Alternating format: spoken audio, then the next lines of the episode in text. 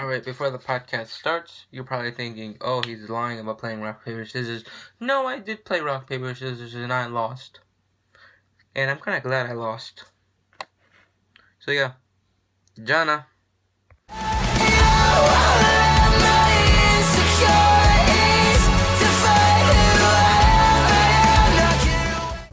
My dumbass has to go to the mall because I lost rock, paper, scissors to my brother, and I have to go instead of him.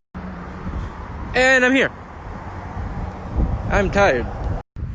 I'm gonna go get manga and maybe film. So I was in there for maybe half an hour, and I'm leaving with nothing. Shit.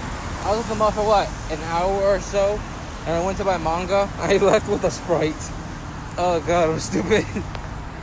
I'm gonna die.